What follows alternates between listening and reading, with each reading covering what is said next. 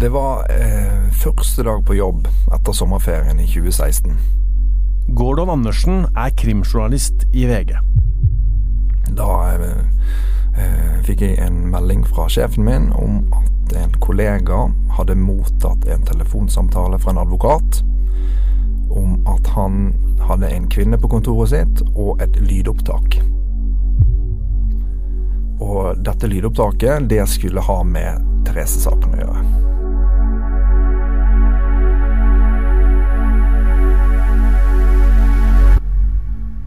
Du hører på siste episode av Uløst. Jeg heter Tor Erling Tømt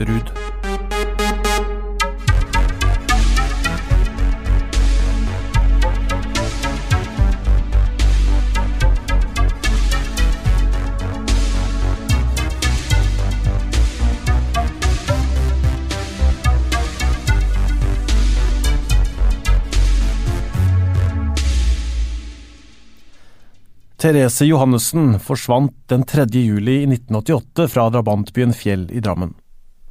Etter at Thomas Quick ble frikjent, er saken fortsatt ikke løst. I 2013 blei drapssaken forelda. Derfor er det sånn at hvis Therese blei drept, er det i dag ingen som kan straffes for det.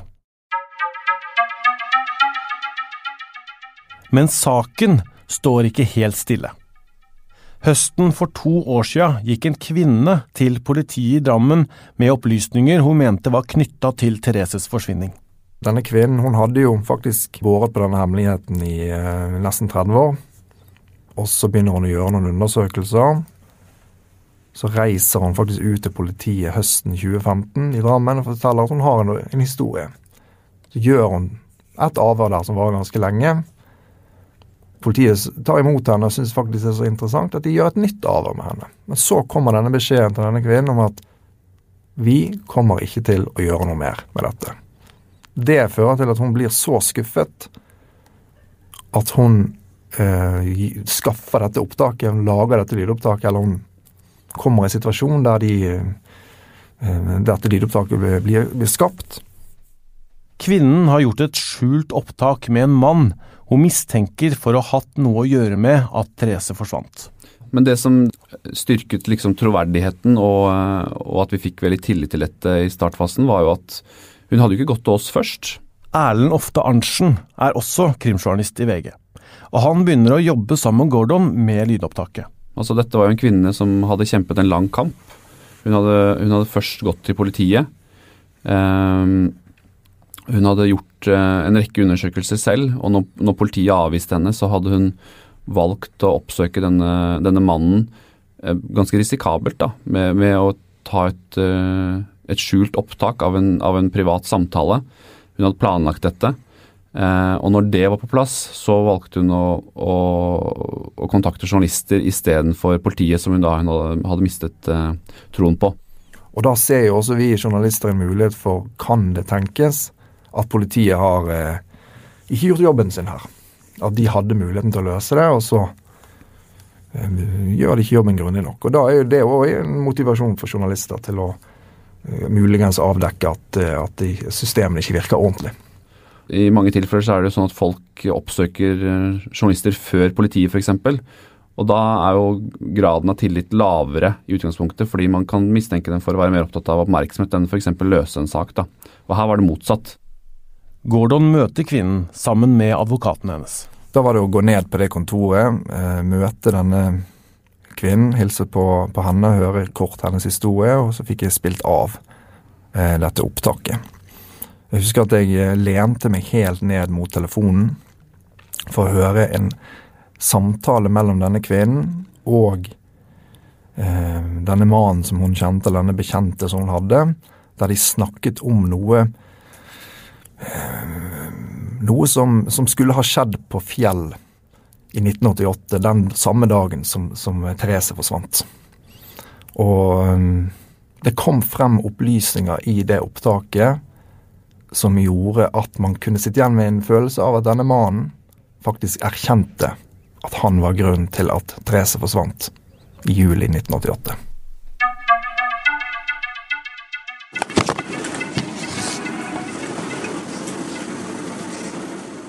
Kvinnen og advokaten hennes har gitt oss opptaket. Det er tatt opp i en situasjon der det bare er kvinnen og mannen hun mistenker, og de har drikket alkohol. Dette er en bekjent av henne som hun har kjent i mange år. Hun var i helt i starten av 20-årene når, når, hun var med på dette, det hun sier var denne turen ut til fjell, når Therese forsvant. Um, og det er en bekjent som hun også har hatt et noe sånn anstrengt forhold til i, i disse årene. Målet med å gjøre lydopptaket er å få en tilståelse om hva hun tror skjedde den kvelden på Fjell i 1988.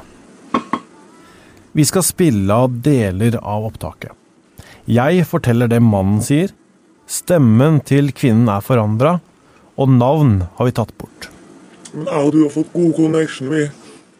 Først snakker de om gamle sommerminner, om en badetur, og mannen forteller hvor fint det var med kontakten de hadde.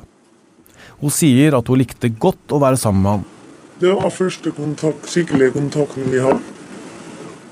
Mannen sier at det glemmer han ikke. Ikke jeg heller. Men det som har vært med oss, vi sladrer aldri. Mannen sier vi sladrer aldri. Er du klar over hvor lojal jeg egentlig har vært til deg? Mannen svarer ja, du er det. Husker du hva vi gjorde på fjellet i 88? Husker du at jeg vet alt?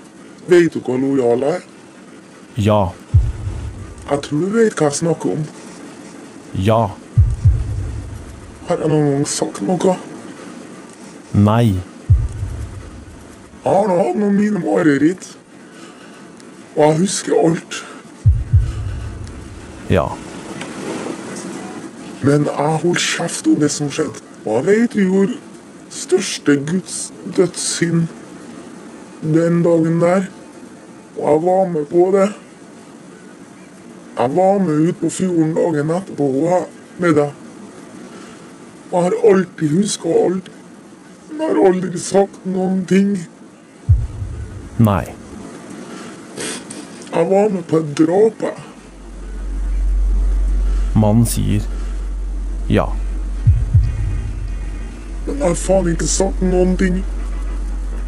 Det vi gjorde på kvelden, i pøseregnet på fjellet den kvelden, Ja, det er helt forferdelig.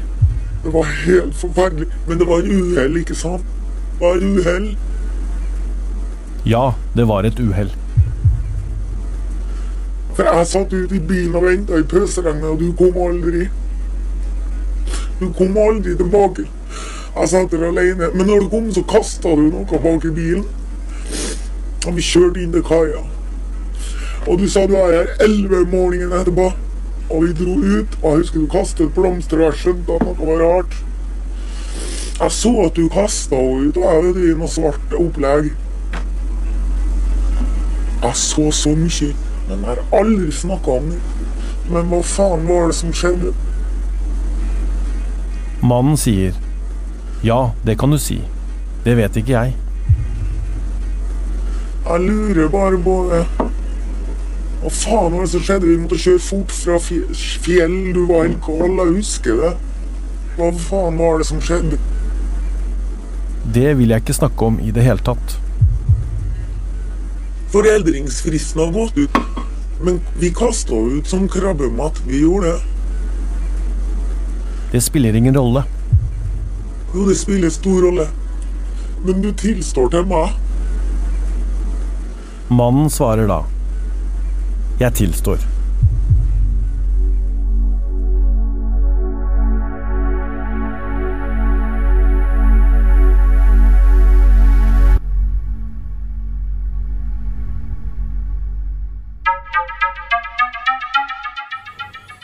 Når du får et sånt lydopptak, da, så, så er, er det jo Du sitter jo liksom med, med to spørsmål, da. Krimjournalist Erlend. Er dette fyllerør, eller er det svaret på hva som skjedde med Therese? Man ønsker veldig sterkt at man skal få høre noe som er veldig tydelig og veldig klart og veldig udiskutabelt. Kollegaen Gordon. Og dette var jo en samtale som var preget av to- Du kunne høre at det var to personer som hadde eh, også drukket litt eh, alkohol. Eh, og eh, det, det, var, det, det ble snakket veldig i koder. Navnet til Therese ble ikke nevnt. Men det var, var noen sånne fraser som om noe forferdelig som hadde skjedd. Vi kastet henne til krabbene, ble det sagt. Hun ble krabbemat.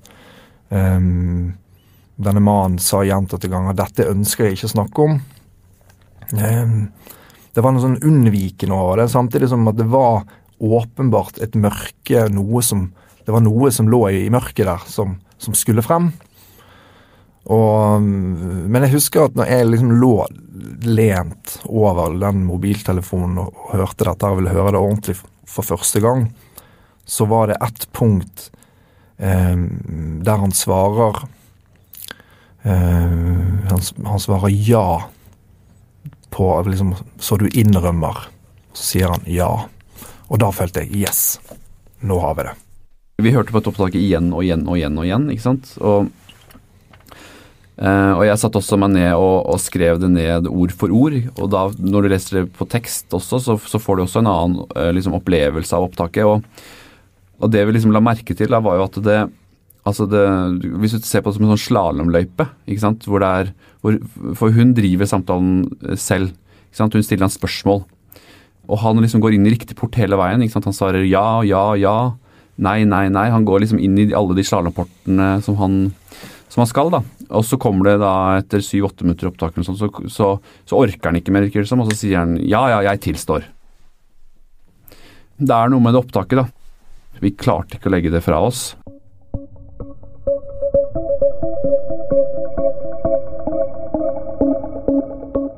Gordon og Erlend dykker ned i Therese-saken. I politiets etterforskningsprosjekter leser de om jakten både på den røde Volvoen og mannen med arr. Kvinnen forteller dem om bilen mannen skal ha brukt, og utseendet hans. Det var snakk om en rød bil.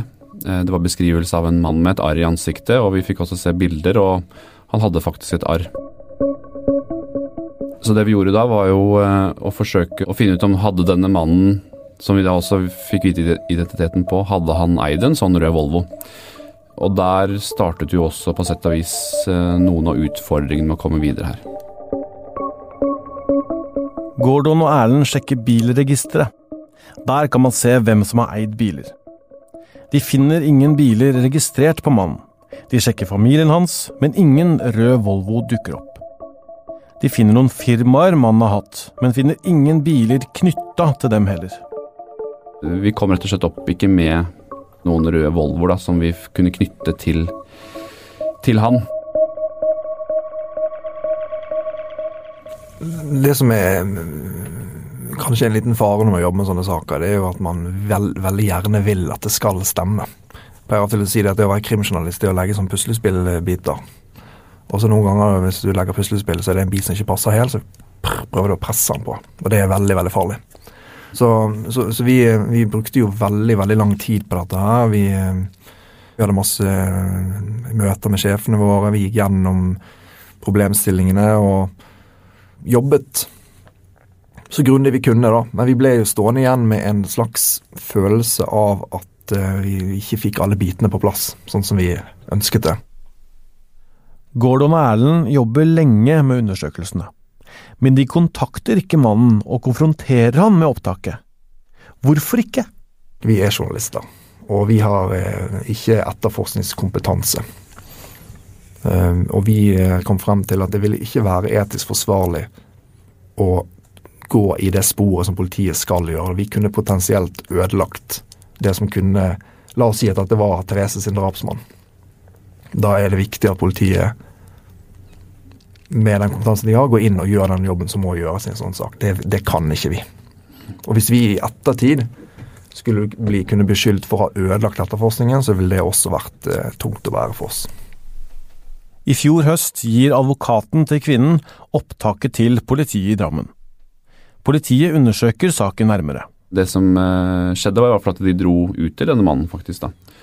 Og eh, oppsøkte han ringte på døren, sa åpenbart at de ville snakke med han. Han kom ut, eh, og de gikk til parkeringsplassen hvor politiet hadde parkert. Og de satte seg i baksetet der, og ble sittende der i ja, la oss si tre kvarter rundt der, eh, og konfronterte han med de opplysningene som de da hadde mottatt og gjennom lydopptaket, og, og, de forklaringene som de allerede hadde fra denne kvinnen som hadde gått av advokaten sin og, og politiet. Det som skjedde videre, var at da han gikk ut av bilen og gikk inn i leiligheten, og politiet kjørte av gårde igjen. Og det, det, er vel egentlig det siste vi vet av hva politiet gjorde med denne saken. Etter det så bestemte de seg for å, for å sette en strek over, og da hadde de gjort det de kunne gjøre. De hadde sjekket om det var noe i forklaringen hennes som kunne, kunne stadfestes, og de hadde konfrontert han med det som hadde kommet frem. og Han hadde sagt han ikke hadde noe med dette å gjøre, og var sjokkert. Um, og de hadde ikke så mye mer å gå på da. Da politiet ikke gjør videre undersøkelser, stilles det enda høyere krav til journalistene for å skrive noe om opptaket til kvinnen. Når de da hadde dette møtet og, og de diskuterte disse tingene og snakket om disse tingene, så hører du at de er øh, på festnivå.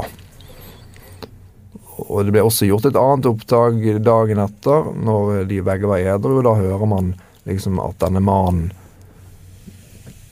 distanserer seg veldig, veldig kraftig fra eh, det de snakket om dagen før. Det nesten, 'Dette må du ha drømt'. Dette har ikke vi snakket om. Hva er, hva er det som er galt med deg, omtrent? Så det er, liksom, det, er no, det er veldig mange påfallende ting her som gjør at det er, det er vanskelig for en journalist å slippe disse tingene. Samtidig som det er litt sånn som politiet sier, at bevisverdien er for lav. Det, det, det, er rett, det, er for lite å gå på i forhold til å, un, å gjøre undersøkelser. Du kommer tilbake til denne puslespillbrikken. Du kan ikke bare presse brikkene på plass. Må, de må passe helt perfekt. Gordon og Erlend håpa at tipset skulle være med å løse Therese-saken.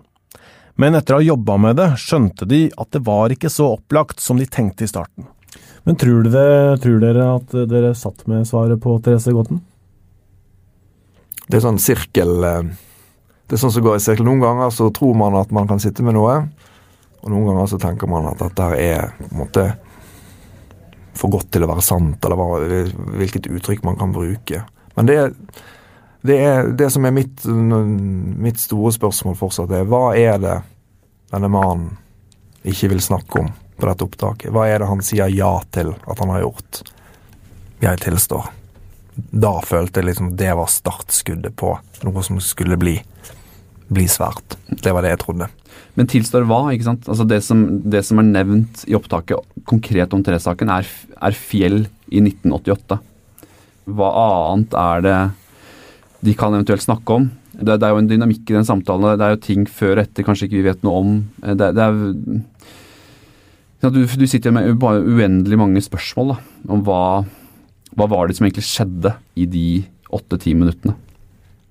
Dere har snakka med denne kvinnen etterpå. Hva, hva syns du om dette? Dette er jo en kvinne som, eh, som vi opplever er på en måte sannferdig i sin opplevelse av dette. Og, og hun har gjort et uh, stykke krevende arbeid også. Uh, men jeg tror nok at, uh, at hennes motivasjon har jo vært at hun skal bringe svar til hva som skjedde med Therese. Og det, um, det, har, det svaret klarer ikke vi komme med ut fra de eh, kravene som er til eh, norsk presse i dag.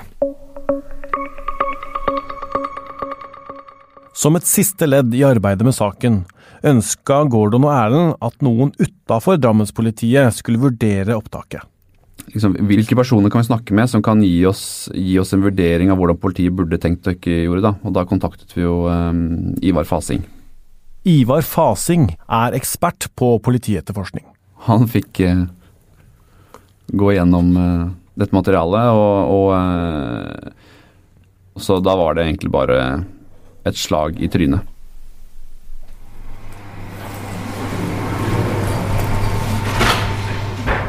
Jeg møter Ivar på Politihøgskolen, der han jobber.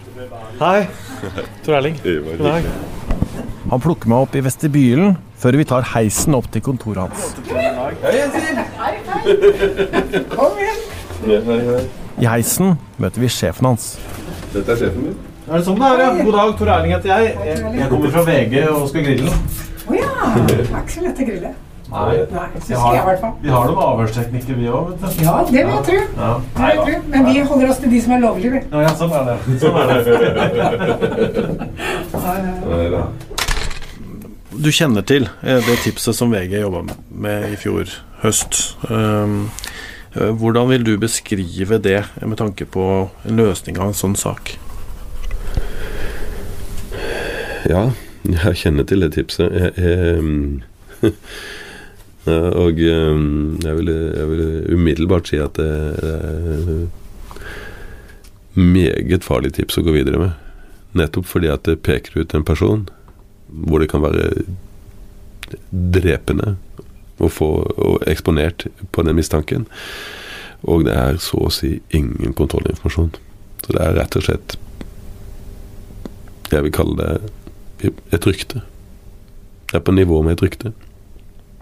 Og, sånn sett så er det langt unna det jeg vil kalle strafferettslig skjellig grunn til mistanke. Ingen av oss ønsker å leve i et samfunn som starter etterforskning på bakgrunn av rykter. Men rykter kan starte etterforskninger. Men det er først når den type rykter bekreftes av informasjon som kan sjekkes opp med rimelig grad av nøyaktighet og sporbarhet. Og helst, når det går så langt tilbake i tid, så må du ha flere kilder som krysskjøres, og, og, og man finner opp samstemmende informasjon fra ulike kilder. Så langt jeg kjenner det tipset, så er ikke det tilfellet. Og da er det både en plikt for alle som driver med etterforskning og undersøkelser, og foreløpig la det ligge med det. Eh, vedkommende som ble nevnt i dette tipset, ble eh, Politiet snakket med han, men har ikke gjort noe mer med det. Hva, hva sier det deg? Jeg kjenner jo ikke til dette, så dette må jo være med alle mulige forbehold. eh, Men mest sannsynlig forklaring vil jo være at ikke de finner den type krysskjørende informasjon som gir grunnen til å gå videre med dette. Politiets jobb er jo ikke bare å finne ut hva som har skjedd, men å bevise det. Og kan du ikke bevise det, så må du la det ligge. Ifølge politiet stiller mannen seg uforstående til anklagene, mens kvinnen står fast ved sin opplevelse. Politiet valgte å ikke gå videre med saken etter at de hadde snakka med mannen, fordi de fant ikke andre opplysninger som støtta anklagen. Etter at politiet hadde gjort sine undersøkelser, prøvde Gordon og Erlend å få kontakt med mannen. De ringte flere ganger og sendte meldinger. De banka også på døra der det ble sagt at han bodde. Han var ikke der, og han svarte aldri på meldingene. Da vi ringte mannen, så tok han telefonen, men ønska ikke å si noe om saken.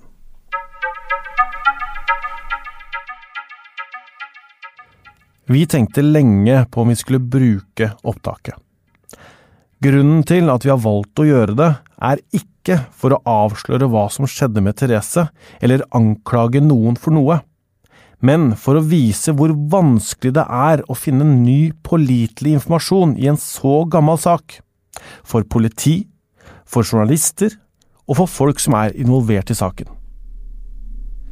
Vi vil vise hvor sårbare alle blir for nye teorier og nye tips.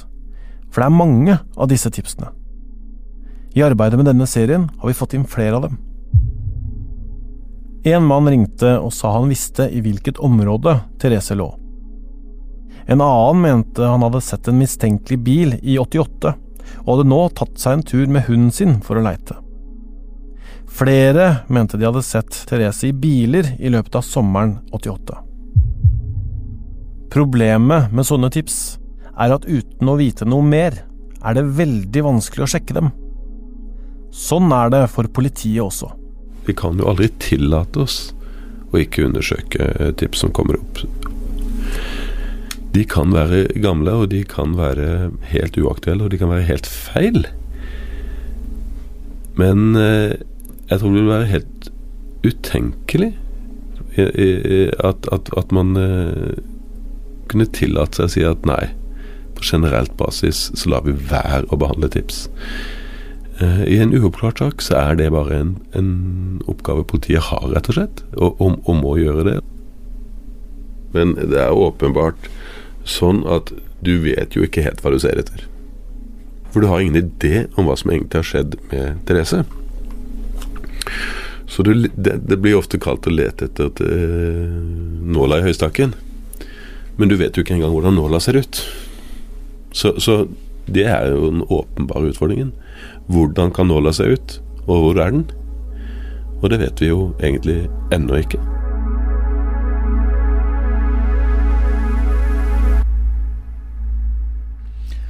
Jeg må jo også fortelle om en ting til, da.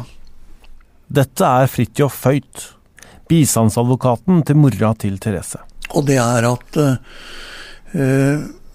det har jo vært uh, en uh, synsk person, som også Scotland Yard har benyttet av og til, som har vært inne i bildet. Det var snakk om hun kunne få kontakt med det hinsidige. Før jeg fortsetter, jeg tror ikke på sånt, men av og til så er det mer mellom himmel og jord enn det man fatter. Og hun fikk eh, ta på eh, ting som hadde tilhørt Therese. Og man var jo veldig spent i familien. Så sier hun at dette er det rareste jeg har opplevd. Ja, hvordan da? spurte moren. Jeg får ikke kontakt med henne. Det er ikke mulig. Ja, hva betyr det da? Etter min mening at hun er i live. Da frøs jeg litt på ryggen da jeg hørte det. Vi har også fått en telefon fra en såkalt klarsynt. Hun sier at hun i flere år har ment at Therese er nedgravd i en kjeller i nærheten av henne. Eh, hva med synske? Eh, det kommer tips fra synske. Hvordan behandler politiet det? Min erfaring er at vi, vi, har på en måte behandlet synske så lik linje med alle vitner i norsk politi. Det har på en måte egentlig alltid vært policyen, så langt jeg kan huske. Fordi, for det første, at man ønsker at dette skal tas seriøst fra første stund. Selv om man kanskje ikke har så stor tro på det selv, så kan man jo tenke seg hvordan eh, pårørende tenker. Hvis politiet totalt valgte å overse informasjon fra synske. Så vi må, vi må, ta det inn. Ikke minst for at det kan hjelpe pårørende også å få fred, slik at ikke den informasjonen kommer opp senere, og, og, og da som, uh, fremstår som helt nytt for oss. Så sånn at, at man da i en stor sak bruker noe tid på synske, det har vi hatt tradisjon for. Uh, nettopp for at man skal kunne si at ingen sten uh, ikke var snudd. Når det er sagt, så gjenstår det vel å se at en sak i Norge eller internasjonalt som jeg kan se blir løst av synske. Det har så vidt jeg vet aldri skjedd. Det har aldri skjedd? Nei. Motivene for å komme med tips er også forskjellige. Det kan være et ønske om å hjelpe, om å få oppmerksomhet, eller andre ting. For noen uker siden fikk vi en melding. Der sto det Jeg kan løse Therese-saken, ring. Og så fulgte et nummer med mange tall. Jeg prøvde å ringe nummeret, men det funka ikke. Men så så jeg at det var for mange tall. Jeg fjerna noen nuller og kom fram til et nummer i Pakistan. Hallo, ja, dette her er Tor Erling Tømtrud i VG. I andre enden er det en mann som snakker norsk. Eh, har du vært i kontakt med oss? Mannen sier han veit hvor Therese er. Ok, hvor er hun da? Nei, det kan jeg ikke bare si uten videre, sier han da. Nei, men hva er det, hva er det du vet? Han sier han veit alt om Therese-saken. Han spør om vi er interessert i å løse den. Jo, det ja, det er vi. Han sier han ikke vil hjelpe oss gratis. Han vil ha penger for det. Ok. Men, men hva, hva, er det du kan eventuelt eh, hjelpe til med, da? Han sier han kan hjelpe til med å finne Therese. Hun er ikke i Norge, men hvis jeg vil vite mer, må jeg betale den 50 000 kroner. 50 000? Ok. Kan jeg få vite hvem du er?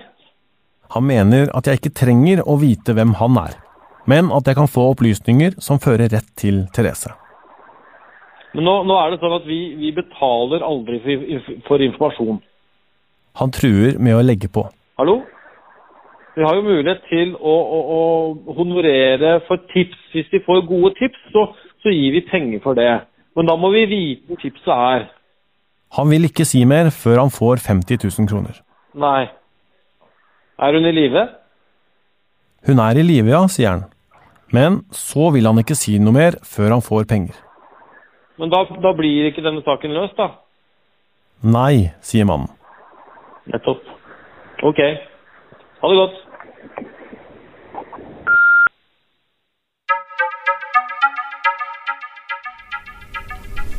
Så da er det ikke mulig å, å løse f.eks. Therese-saken på tips. Etterforskningsekspert ved Politihøgskolen, Ivar Fasing. Mm, Jo, det vil jo være hvis, hvis tipset ligger innenfor det nettet som er bygget opp i, i arkivet av etterforskningsmateriale som ligger der. Det ligger jo enormt mye materiale som ble samlet inn den gangen. Så hvis tipset treffer i, innenfor det nettverket av informasjon vi har, så vil det være mulig. Men som jeg sa, ofte vil tipset ligge utenfor. Da vil det være svært vanskelig. Men Jeg tenker at Politiets jobb er jo å skaffe nøyaktig og pålitelig informasjon. Skal, skal, noen dømmes, eller skal man konkludere i en sånn sak, så kan det jo ikke være på bakgrunn av rykter. Man må jo skaffe faktiske holdepunkter for det som har skjedd, så langt mulig. Og, og får vi ikke det, så er det jo en ansvar å la det ligge. Det er jo ikke ryktespenning vi driver med i etterforskning, det er et forsøk på å kontrollere det opp mot tilgjengelige fakta. Og finner du ikke de fakta, så må du la det ligge. Selv om det kanskje er riktig. Åpenbart. Politiets jobb er jo egentlig ikke å finne ut hva som har skjedd, men hva du kan bevise at har skjedd. Det er noe helt annet.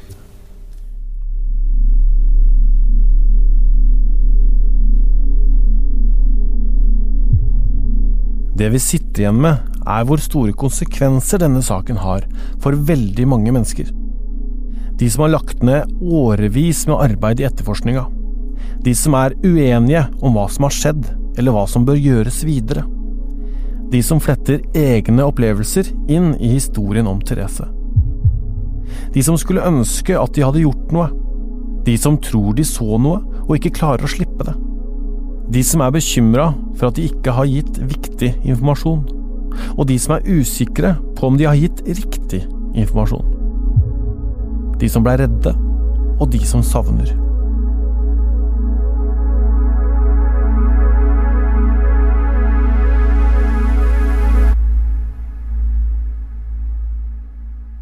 Um. Helia Shams var barndomsvenninne av Therese. Når jeg ser lillesøsteren hennes, så tenker jeg, hadde hun kanskje sett ut sånn hvis hun hadde vært her? Hvordan hun hadde sett ut? Hvor mange barn hun hadde fått? Hva hun hadde blitt? I dag har Helia en sønn som er fem år. Jeg må jo si at jeg kanskje er ekstra påpasselig med når han min skal ut og leke. Jeg er alltid med. Jeg kan ikke Jeg lærte han tidlig hva han skulle gjøre hvis det var noen fremmede som snakket med han, eller prøvde å gi han noe godteri eller is eller ja, og så skal du bare skrike og løpe. så man blir jo litt mer påpasselig sånn når man har opplevd noe selv i nær omgangskrets. Men igjen, det kan skje hvor som helst, og det kan skje hvem som helst, så Så det vet man jo aldri. Fortell om hva du håper skal skje i dag med Therese-saken. Jeg håper at hun skal få et svar. Inger-Lise skal få et grav hun kan gå til, hvis det er så tilfellet er. Hun skal få en avslutning og ro. Og få en oppklaring. Hva har skjedd med henne? Sånn at alle får en avslutning. Venner, familie, naboer, alt og alle. Og, og rett og slett Fjell får en avslutning for den saken nå. Det er det eneste jeg håper på. Kanskje noen kan tilstå, komme fram med et eller annet. Selv om den er foreldet, så er det greit å få en avslutning.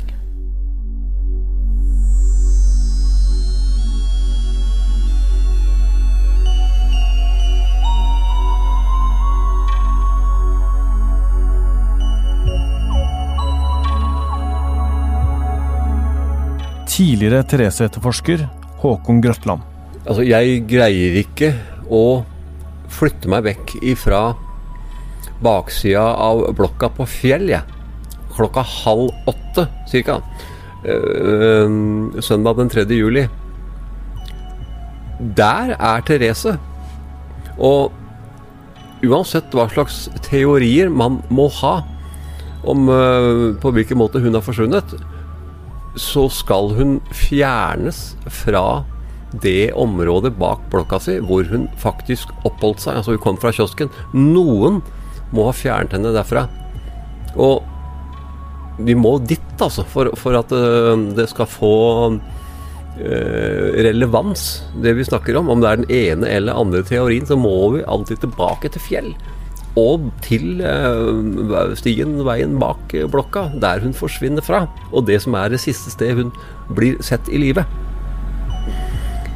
Jeg vil bare vektlegge det. Altså, det er liksom Det er kjernen i hele for, uh, forsvinningssaken. Therese går ned trappa fra kiosken. Siden har ingen sett henne.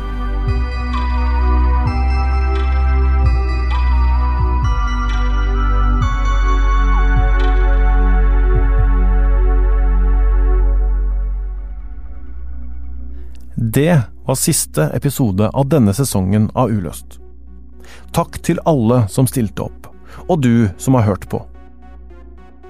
Har du tips til hvilken sak vi skal undersøke neste gang, vil vi gjerne høre fra deg.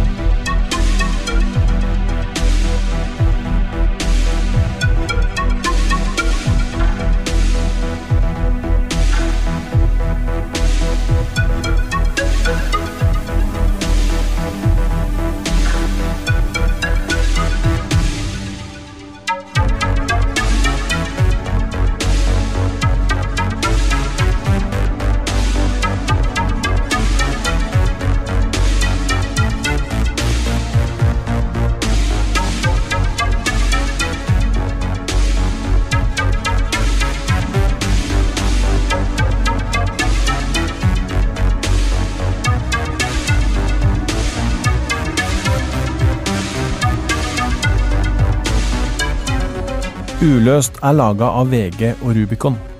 Sindre Leganger, Kristine Hellesland, Katinka Rondam, Nikoline Mevasvik Haugen, Anniken Vatne og jeg, Tor Erling Tømt Ruud. Musikken er laga av Hans Kristen Hyrve. Og har du lyst til å høre mer av den, så kommer den på Spotify etter hvert.